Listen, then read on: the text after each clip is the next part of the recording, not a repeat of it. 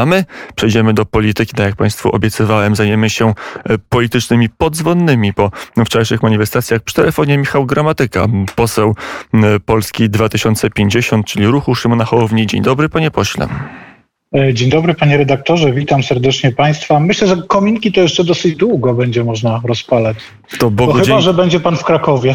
Wtedy będzie kłopot. Bogu dzięki mam dom pod Warszawą, ale też nie jest łatwo, mm, chociaż mój kot się ucieszy, jak mu powiem, że e, pan poseł zapewnia, że jeszcze trochę będzie mógł sobie poleżeć w fotelu przed, mm, e, przed kominkiem na książce, którą usiłuje czytać. No dobrze, tyle prywaty, panie pośle. A teraz sprawy publiczne. Mm, jak politycznie czytać niedzielne demonstracje? Kto wygrał, kto stracił? No, te demonstracje pokazują jedno, pokazują, że poparcie dla wspólnoty europejskiej w polskim społeczeństwie jest w dalszym ciągu bardzo, bardzo wysokie. E, i pokazują, że tacy normalni ludzie w takich normalnych miastach, jak na przykład moje rodzinne Tychy, e, czy Skierniewice, czy, czy Białystok, e, nie boją się wychodzić na ulice i place swoich miast, żeby to poparcie demonstrować. Ale frekwencyjnie Warszawa, policja mówi 25 tysięcy, ratusz mówi 100 tysięcy, to znacznie mniej niż kiedyś chociażby KOT, czy Komitet Obrony Demokracji mógł w Warszawie zgromadzić. To jest klapa frekwencyjna? E, nie, na pewno nie można mówić o klapie. Widoki Placu Zamkowego wczoraj, te, które widziałem w telewizji, to za, zarówno telewizji publicznej, jak i w telewizjach prywatnych informacyjnych, były imponujące. Imponujący był też skład mówców, którzy tam się zebrali i przekrój polityczny tych osób. E, uważam, że to był duży sukces e, organizatorów tej demonstracji. Podobnymi sukcesami były demonstracje we Wrocławiu, w Katowicach. Akurat w Katowicach miałem przyjemność i zaszczyt uczestniczyć w tym spotkaniu. Potem przyjechałem do swoich rodzinnych tych i nawet tutaj kilkadziesiąt osób pod pomnikiem niepodległej Rzeczypospolitej e, spotkało się po to, żeby powiedzieć weto wyprowadzaniu nas e, ze wspólnoty europejskiej. Powiedział pan poseł, że skład mówców był, był imponujący. Który z mówców w Warszawie obok Donalda Tuska to był ten mówca, który reprezentował Polskę 2050?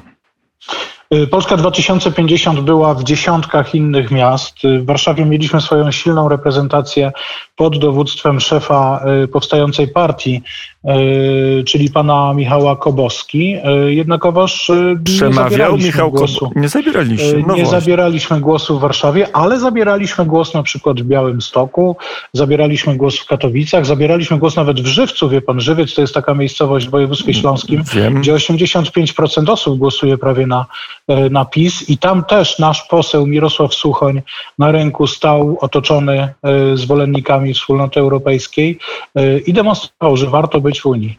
A dlaczego nie było nikogo z ruchu Szymona Hołowni w Warszawie w tej centralnej, największej, najliczniejszej wczorajszej demonstracji?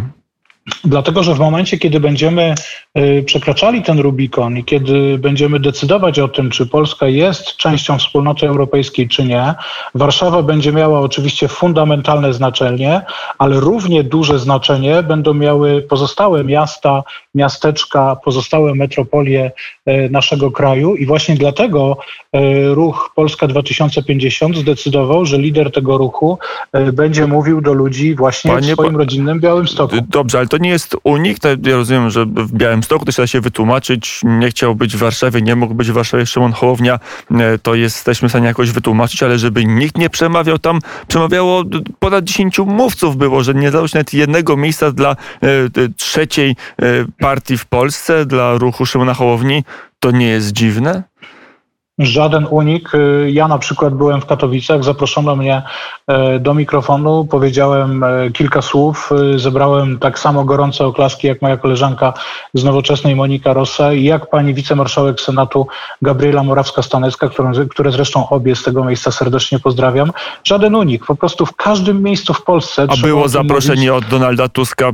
Wyznaczcie kogoś, niech ktoś, przy, nie, niech ktoś przemówi w imieniu um, Szymona Hołowni?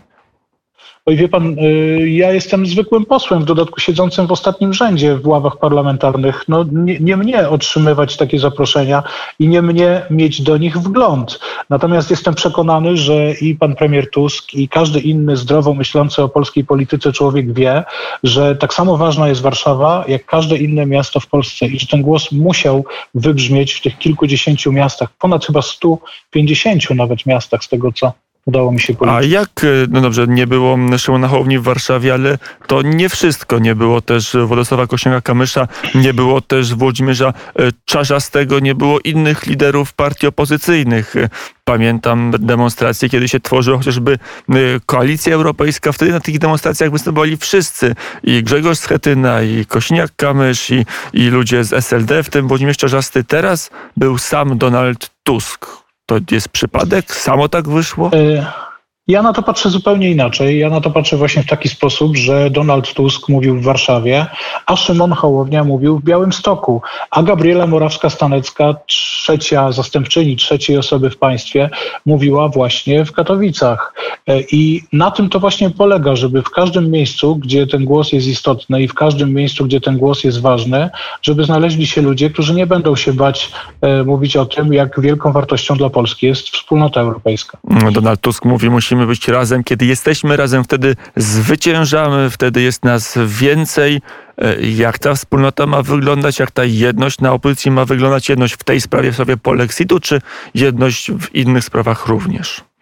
Ale jedność, wie pan, nie polega na tym, żeby na, na jeden sygnał y, wszyscy byli w jednym miejscu. Gdybyśmy na przykład tak grali w piłkę, że wszyscy czuliby się y, napastnikami, y, to żadna drużyna nie wygrałaby meczu, prawda? Trzeba być w każdym miejscu boiska i w każdym miejscu tego boiska robić to, co potrafimy robić najlepiej. Więc stosując tę futbolową analogię, moglibyśmy powiedzieć, że zrobiliśmy naprawdę świetną robotę w wielu miejscach naszego kraju. To jeszcze ostatnie pytanie o te e, protesty.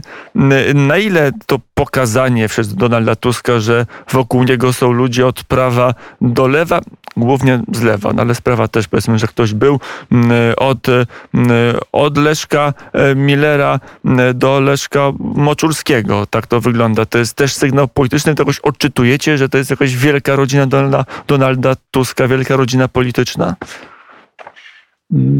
Nie, nie chciałbym e, recenzować e, tutaj doboru mówców na warszawskiej demonstracji, bo to nie ja byłem organizatorem tej demonstracji, ale ja e, muszę przyznać, no, że Donald Tusk to była jego takie... pierwsza demonstracja, też bardzo znaczące wydarzenie. Po raz pierwszy podjął decyzję, że on jako szef Platformy wychodzi z demonstracją na ulicę i patrzymy jaka to była demonstracja, jak to przemawiał, bo to chyba coś znaczy. Ja czułem duże poruszenie y, głównie y, dzięki Bartoszowi Arłukowiczowi, który prowadził całą tę demonstrację. Uważam, że zrobił kawał dobrej roboty. Wykorzystał ten swój dar y, i ten swój czar i umiejętność prostoty przekazu i prostego mówienia o bardzo skomplikowanych sprawach. Wielki szacunek dla, dla Bartosza. Miałem również bardzo taki trudny moment, kiedy Wanda Tkaczyk-Stawska, jedna z ocalałych tych, które walczyły walczyły o Warszawę w Powstaniu Warszawskim, była zagłuszana przez narodowców. I ten, e, ten, to, to takie uczucie, wie pan, e, gniecenia w dołku towarzyszyło mi w zasadzie nie dlatego, że narodowcy ją zagłuszali, bo oni to robią nie od dziś i oni się zachowują tak e, ani nie od wczoraj, ani nie od tygodnia, ale właśnie dlatego, że polski rząd finansuje takie przedsięwzięcia, że, że polski rząd przyznawał im granty, dzięki którym oni mogli ten właśnie system nagłośnieniowy kupić. Tak to chyba nie powinno wyglądać w rozwiniętym i demokratycznym państwie. Mm, odpowiedź Prawa i Sprawiedliwości jest taka, każdy może grant złożyć, jeżeli jest poprawnie mm, wypełniony, jeżeli spełnia formalne, mm, formalne warunki, to czemu nie, nie przyznać pieniędzy? To jest linia obrony Prawa i Sprawiedliwości, która podkreśla, że nie ma e, z narodowcami wiele wspólnego, ale to my nie opisie, bo łatwo jest posłowi opozycji mówić o władzy. Przy naszym telefonie Michał Gramatyka, poseł zasiadający w kole poselskim Polska 2050 ugrupowania Szymona Hołowni pod względem prawnym, bo poza tym, że jest pan posłem, jest pan także prawnikiem, profesorem prawa.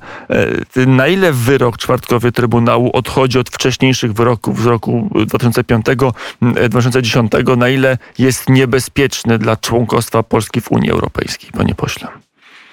Pod, względem tak ściśle prawnym to tego wyroku nie ma, dlatego że nie ma e, składu, który wydał ten tak zwany wyrok. Ten skład to jest tak naprawdę e, grupa przebierańców i w zdaniach odrębnych e, sędziowie bardzo mocno ten akurat element akcentowali, więc to jest jakieś tam, nie wiem, jakieś coś, co udaje wyrok. A to Donald, nawet... Donald Tusk też mówi o grupie przebierańców. Na ile to jest tak, że, że pana posła zdaniem ten wyrok w ogóle nie istnieje, nie powinien zapaść, sędziowie nie są sędziami? No wie pan, jak, się, jak człowiek zaczyna studiować prawo, to na drugim, na drugim roku, zdaje się, ma taki przedmiot, który nazywa się prawoznawstwo i już na tym przedmiocie słyszy o takich sytuacjach, że ktoś udaje sędziego. I to jest taki, taki sędzia, który nie istnieje. Jeżeli w składzie sądzącym zdaje, zdarzy się choć jeden taki sędzia, który nie powinien tam zasiadać, jest na przykład sędzią dublerem, a dwóch takich, dwoje takich było w składzie tego, tego orzekającym, który wydał ten tak zwany wyrok, no to od strony prawnej te, tego wyroku po prostu powinno nie być. Ale nawet jeżeli spojrzymy, wie pan, na to orzeczenie od strony stricte prawniczej, to jest ono przełomowe, dlatego że ono odnosi się wprost do artykułu czwartego tak zwanego traktatu lizbońskiego, y, czyli traktatu, mm, który nazywamy czasem konstytucją Unii Europejskiej i ono, twierdzi, y, ono stwierdza, że ten artykuł czwarty jest niezgodny y, z polską konstytucją. Trybunał Konstytucyjny dopuścił się nawet takiego zabiegu, że wyszedł poza wniosek pana premiera.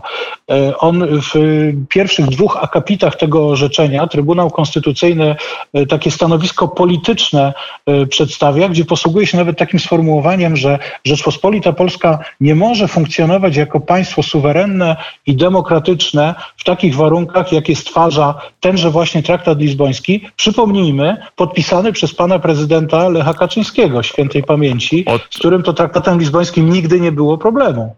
Mm, do tej pory być może problem stworzył Trybunał Sprawiedliwości Unii Europejskiej, który, jak mówią niektórzy, to nie tylko w Polsce, ba nawet we Francji, to jest główny element dyskusji. Jeden z kandydatów, Michel Barnier, negocjator Komisji Europejskiej z Londynem w sprawie Brexitu, mówi, że e, Francja powinna odzyskać suwerenność prawną. To jest głos częściej się pojawiający, że niektóre instytucje europejskie, w tym Trybunał Sprawiedliwości Unii Europejskiej, coraz bardziej poszerzają swoje kompetencje poza ramy traktatów. Tak, kiedy w naszych polskich warunkach nie chodzi o poszerzanie swoich kompetencji, tylko chodzi o ochronę władzy sądowniczej, czyli o jedną z idei, o jedną z reguł, na której opiera się wspólnota europejska. Trybunał, e, tak zwany Trybunał Konstytucyjny w Polsce zakwestionował dwie takie zasady. Jedna z nich to ochrona władzy sądowniczej, a druga z nich to zasada lojalnej współpracy. Obie zasady, które tak naprawdę dla E, tych 27 państw wspólnoty europejskiej e, nie stanowią, no, no są po prostu regułami. W każdym kraju znajdziemy takie osoby, które słyną z poglądów ostratystycznych, gdzieś tam skrajnych i one pewnie będą mówić, że wspólnota europejska jest złem. W Polsce nawet jeden europarlamentarzysta wyliczył, że Polska dokłada do wspólnoty europejskiej zamiast na niej zyskiwać. To jest to oczywiście oczywista nieprawda. Natomiast wszyscy mądrzy prawnicy, wszyscy normalni prawnicy, wszyscy, którzy stoją mocno nogami na ziemi, wiedzą, że bez niezawisłości sądów i bez ochrony władzy sądowniczej nie będzie sprawiedliwości. No i, i, i, na tym niestety cała rzecz się koncentruje. Nie, nie są problemem orzeczenia Trybunału Sprawiedliwości Unii Europejskiej, bo nie ma w Europie lepszych prawników niż ci, którzy zasiadają w TSUE. Problemem są fatalne ustawy y, przeprowadzane przez Sejm, y, przez rząd Prawa i Sprawiedliwości, a w szczególności przez panów polityków Solidarnej Polski, którzy firmują tę tak zwaną y, reformę sądownictwa. I te ustawy ograniczające niezawisłość sędziowską, te ustawy dopuszczające polityków do składów sądzących są e, właśnie problemem, na który Unia po prostu nie może spokojnie patrzeć, bo one wychodzą poza reguły tego, czym wspólnota europejska jest i czym zawsze była. Mm, a propos polityków dopuszczających mm, czy, czy wchodzących w składy sądzące, czy mm, co do statusu sędziów, na koniec jedno pytanie wybierające w przyszłość może, ale też formacyjne. E, jeżeli wygrałaby koalicja opozycyjna, jeżeli mm, ruch Szymona Hołowni miałby wpływ istotny na wymiar sprawiedliwości, co by się stało e, z Trybunałem Konstytucyjnym? Zlikwidowaliby no, a... państwo ten trybunał w obecnym kształcie, bo, bo pamiętam, że prezes Rzepliński uznawał sędziów, nawet tak zwanych sędziów dublerów, za e, sędziów, e, którzy są sędziami Trybunału Konstytucyjnego. Oj, no z tego co pamiętam, to pan prezes Rzepliński y, nie dopuszczał ich, nie, nie, nie dopuszczał ich do orzekania, ale wydał tak. im legitymację, wydał im pomieszczenia Oczywiście. i uznawał ich, że są sędziami tym samym. Nie jedna jest wypowiedź pana profesora. Bo administracyjnie oni byli powoływani przez ten organ, który miał prawo do ich powoływania. Natomiast to, że ich nie dopuszczał do orzekania, było wyrazem troski o to, żeby orzeczenia Trybunału Konstytucyjnego e, mogły funkcjonować sobie w porządku prawnym. A to, co zrobimy, jest zapisane w naszym programie. E, ten program znajdą Państwo na stronie strategie.polska2050.pl. E, na tej stronie jest zapisany dokładny przepis, jak zamierzamy wyprostować polski system prawny po tej demolce, której poddaje go rząd y, Zjednoczonej Prawicy. To nie jest odpowiedź ani na pół minuty, ani nawet na dwie minuty, więc polecam te dokumenty. Mamy te dokumenty programowe nie tylko zapisane, ale opublikowane y, i tam y, są przedstawione dwie koncepcje, w kierunku których można pójść. Pierwsza zakładająca utrzymanie Trybunału Konstytucyjnego po oczywiście w taki sposób wyłonieniu jego składu, żeby nie budził on wątpliwości od strony strony prawnej. Czyli jak? Czyli, czyli odwołanie tych sędziów, czyli e, politycznie e, parlament uchwali, kto jest sędzią, a kto nie jest sędzią Trybunału, to to będzie praworządne?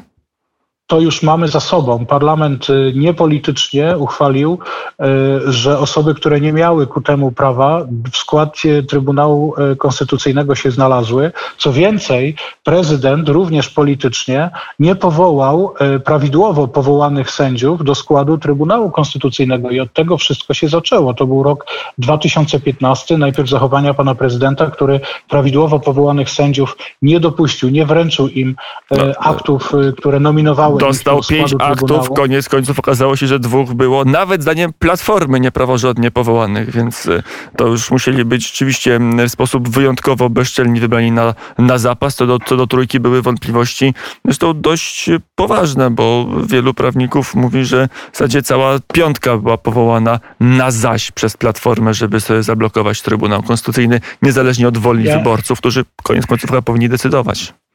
Ja nie wiem, co to znaczy na zaś, ale wiem, że nie y, gasi się ognia benzyną, a to właśnie zrobił pan prezydent, powołując w skład Trybunału y, Konstytucyjnego takie talenty, jak chociażby szefowa tego tak zwanego Trybunału, pani sędzia Przyłębska, która głównie zasłynęła jakimiś tam problemami w swojej karierze w, w, sądzie, e, w sądzie powszechnym, albo na przykład prokurator e, stanu wojennego, który obecnie udaje sędziego Trybunału Konstytucyjnego. No, Także jeżeli pan prezydent chciał naprawić tę sytuację, no to chyba i to mu niestety nie wyszło. No tylko co do sędziego Piotrowicza, to on chyba został wybrany na miejsce akurat całkowicie wolne, więc nie wiem czemu udaje sędziego. Osoba może się no. komuś no. nie podobać, ale chyba Sejmy miał prawo wybrać sędziego Trybunału? Czy, czy jest tak, że jedna bardziej... większość może, inna nie może? Nie, to nie o to chodzi. Tutaj bardziej chodzi mi o predyspozycję, o pewien tak zwany dorobek y, y, tego polityka, o jego zaangażowanie w politykę, o to, że jeszcze tuż przed powołaniem w skład Trybunału y, Konstytucyjnego był czynnym politykiem, a przecież niezależność władzy sądowniczej i odrębność władzy sądowniczej od dwóch pozostałych rodzajów władzy i to jeszcze z czasów Monteskiusza, prawda, to mamy tam, nie wiem, XVIII wiek, Jest. polega właśnie na tym, że te władze powinny być od siebie oddzielone i politycy w składach sądzących, no to to i nie brzmi dobrze, i nie wygląda dobrze, a na pewno nie będzie dobrze funkcjonować. No, chociaż formalnie tego, wszystko jest w porządku. Strony te to też jest pogląd, y, rzekłbym, dyskusyjny, jako prawnik oczywiście. Mm, to bo się mogli długo dyskutować. Michał Gramatyka, mm, poseł na Sejm, profesor prawa, mm, poseł koła poselskiego, koła parlamentarnego w zasadzie Polska 2050 Szymona Hołowni był gościem popołudnia wnet. Panie pośle, dziękuję bardzo za rozmowę. Bardzo dziękuję. Tylko doktor wprawdzie, ale bardzo się cieszę z tego A ja cały czas znowuż, znowuż pana doktora habilitowałem, ale wszystko przed panem panem posłem. Do usłyszenia. Oczywiście. Bardzo dziękuję. Dobrego dnia. Wzajem 16.35 na